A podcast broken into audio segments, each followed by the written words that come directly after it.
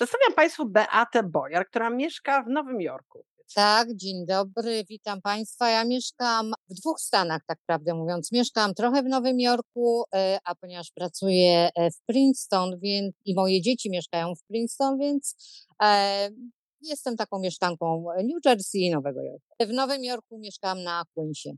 Ty oczywiście nie możesz mieszkać w jednym miejscu przecież, ponieważ ty się bez przerwy poruszasz i bez przerwy przemieszczasz i o tym właśnie chciałabym z tobą porozmawiać. Jesteś osobą, którą poznałam trochę na Facebooku, trochę oczywiście z twoich audycji radiowych na tej samej antenie, na której się obie pojawiamy, czyli w naszym radio USA.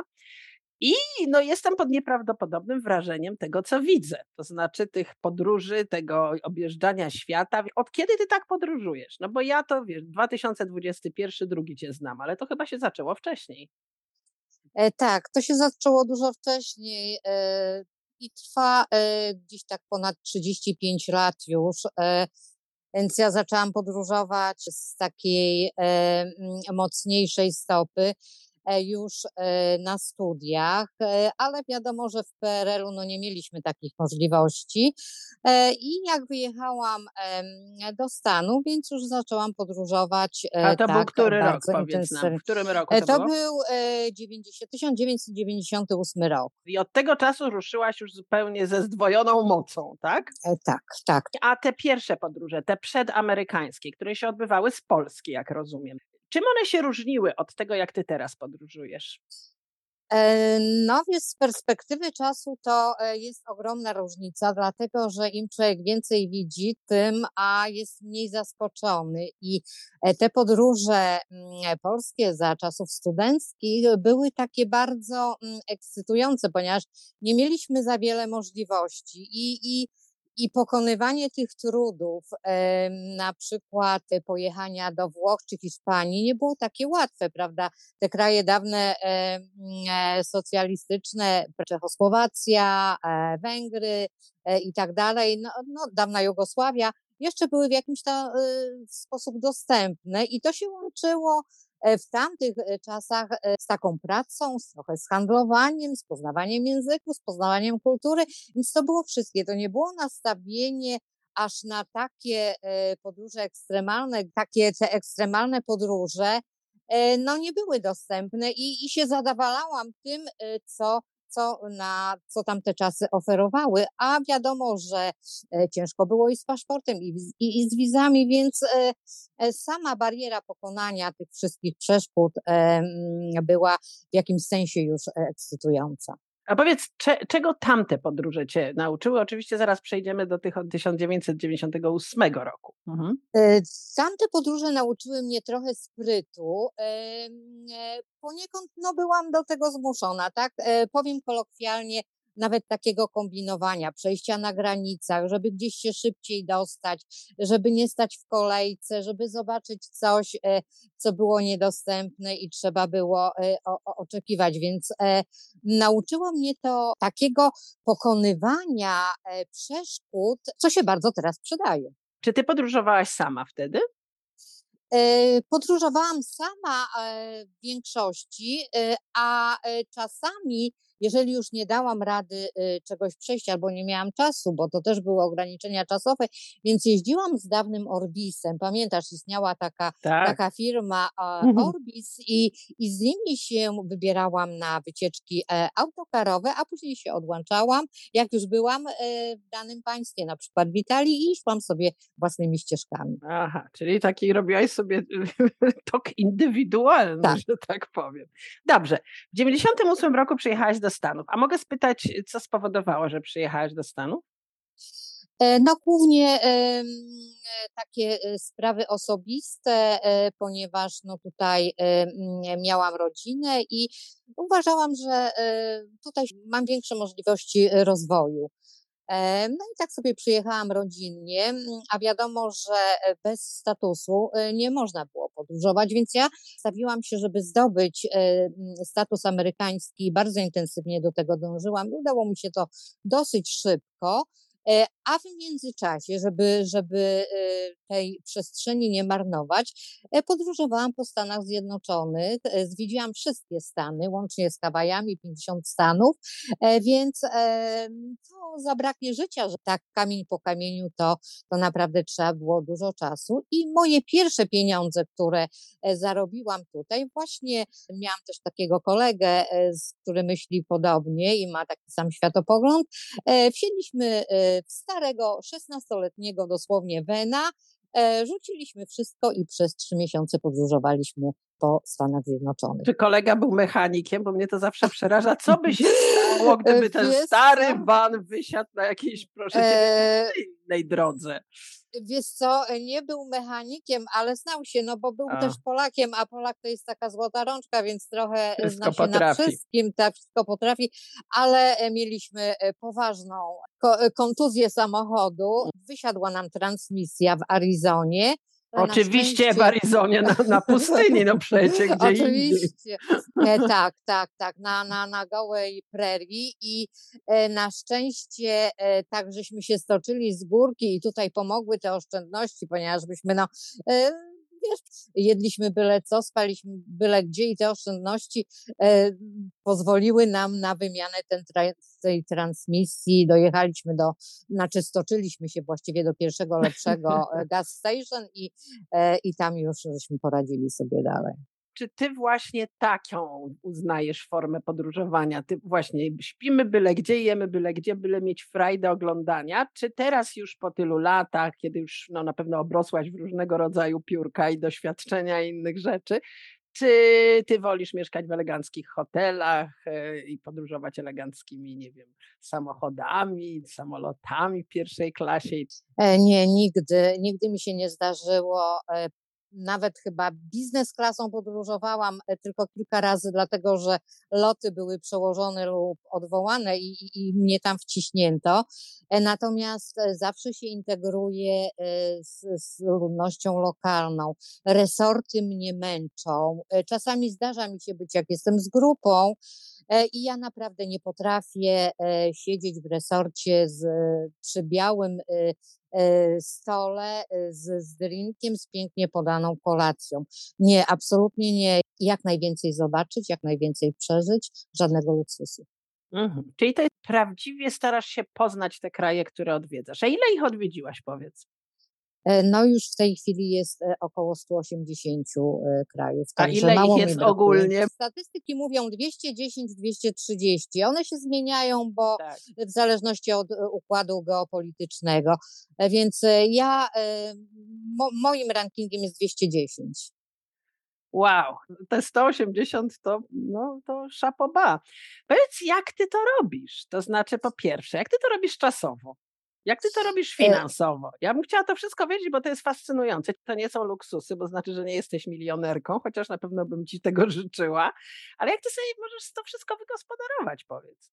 No też sobie bym życzyła być milionerką. E, wiesz, e, pracę układam sobie tak i mam taką pracę, która pozwala mi na nieograniczone możliwości czasowe. E, natomiast jeśli chodzi o finanse, e, to tak, tutaj trzeba to podkreślić bardzo wyraźnie.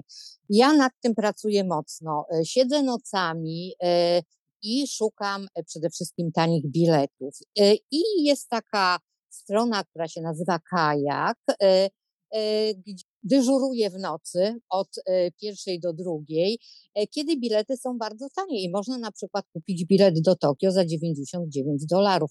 Ma się na to 6 minut, e, zegar tyka jak e, bomba i trzeba się wyrobić, żeby wpisać e, swoje dane. Więc jeżeli już załatwię tani bilet, to wtedy staram się załatwić tani pobyt. Z tym bywa różnie, to raczej zmienia się już będąc w danym kraju, ale ja na początek jakiś tam sobie motel, hostel E, zawsze e, rezerwuję.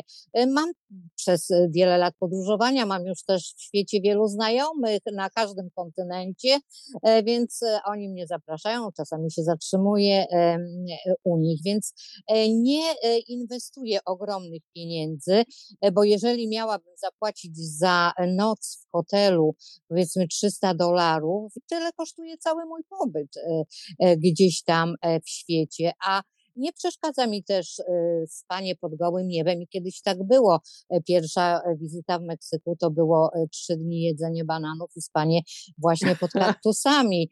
Teraz no niestety mam już prawie 60 lat i muszę się liczyć, że zdrowie i kondycja nie ta, więc staram się zapewnić sama sobie jakby minimum tego bezpieczeństwa. A kupujesz ubezpieczenia zdrowotne? Żeby... Tak, tak. mhm. tak. Ubezpieczenia kupuję zdrowotne, a I, I mam już też takie podróżnicze ubezpieczenie, ale to jest wyrobione przez lata podróży. E, tak samo jak już e, linie lotnicze, na przykład w JetBlue wylatałam już odpowiednią ilość mil, więc latam za darmo. Więc lata doświadczenia i lata podróży dały mi też już dużo możliwości, gdzie mogę zaoszczędzić finansowo. Super, to mnie się strasznie podoba, co ty opowiadasz. Ludzie powinnaś zrobić kurs i ciężkie pieniądze brać od uczestników, żeby jak oszczędnie podróżować. A ty jak na przykład jedziesz na takie Hawaje, to jak ty podróżujesz tam? Podróżujesz lokalnymi jakimiś formami komunikacji? Czy e, wynajmujesz tak, samochód? Tak. E, wiesz, e, jeżeli jestem w Europie, którą już chyba zwiedziłam wszystkie kraje Europy ponad cztery razy. Tak, wynajmuję samochód i też to robię dużo wcześniej, y, bo mm, wiadomo, że cena jest y, im wcześniej, tym, y, tym taniej. Tak, wynajmuję samochód i, i jeżdżę samochodem, dlatego że są miejsca, nie bardzo turystyczne, czasami wcale nie turystyczne, gdzie nie można dojechać, e, a nawet jak się dojedzie, to trzeba później e, jakąś tam ilość kilometrów też e, dojść. Także bardzo rzadko mi się zdarza, żebym nie wynajmowała samochodu. Nawet będąc w Peru, gdzie no, warunki są bardzo trudne, ale tam miałam, mam bardzo dobrą znajomą, która jakieś tam środki transportu e, mi zapewnia. Staram się szukać środków e, transportu, ale e, tak, jeżeli są publiczne, to tak samo, na przykład będąc w Paryżu, w Rzymie, w takich stolicach, metropoliach światowych, jak najbardziej. No tak, ale jak jedziesz Bo... taką długą podróż, to musisz mieć pewnie sporo bagażu, więc pewnie trudno by było ci się przemieszczać bez, jak ty, pewnie umiesz się Wiesz spakować co? w torebkę.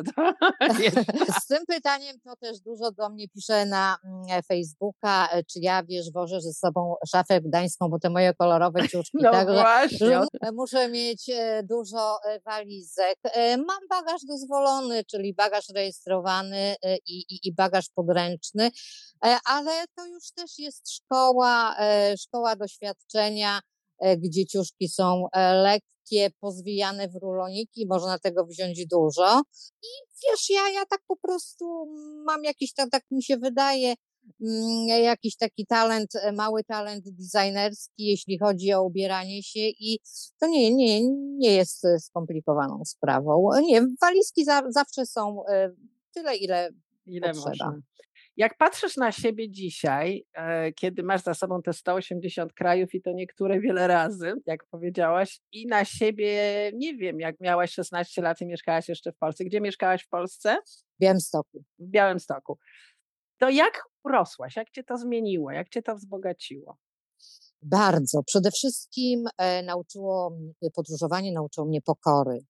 Ja byłam dosyć egoi, taką e, egoistyczną osobą, e, młodą, e, wiesz, pretensjonalną, roszczeniową, E, ponieważ nie znałam, nie znałam życia tak naprawdę e, i podróże nauczyły mnie skromności, pokory e, do życia, cierpliwości przede wszystkim. U mnie nie mogło być w życiu tak, że ja musiałam na coś czekać, o coś, o coś prosić, o coś zabiegać. Nie, to musiało, wiesz, ja, ja się kłóciłam z rodzicami, wyprawiałam różne cuda, natomiast podróże zmieniły mnie o 180 stopni. W tej chwili nie ma e, rzeczy, na które bym nie poczekała, gdzie bym na spokojnie tego nie, nie, nie, nie rozważyła.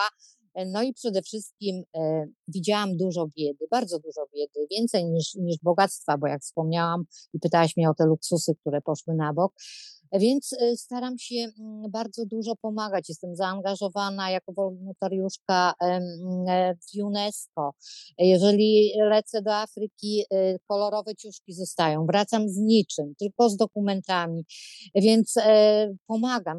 Wiesz, boli mnie to bardzo, e, ta niemoc, że to, co ja robię, jest mm, praktycznie kroplą w morzu, tak? E, I, i zachęcam wszystkich do, do pomagania. I, I to jest właśnie mm, troszeczkę taki mój, mm, może nie problem psychiczny, ale um, chciałabym to jakoś rozwiązać, um, a to jest nie granica nie do przejścia. Ja miałam taką sytuację, że mi dziecko w Bangladeszu na rękach zmarło, więc nauczyłam się że y, życiu trzeba dziękować za każdy piękny moment, za, za zdrowie, za radość, za wszystko, bo naprawdę y, są sytuacje y, i miejsca, gdzie ludzie nie wiedzą o tym, że, że, że jest fajne własne łóżko, do którego możemy wskoczyć w zimną, w zimną noc jakąś tam, prawda, grudniową.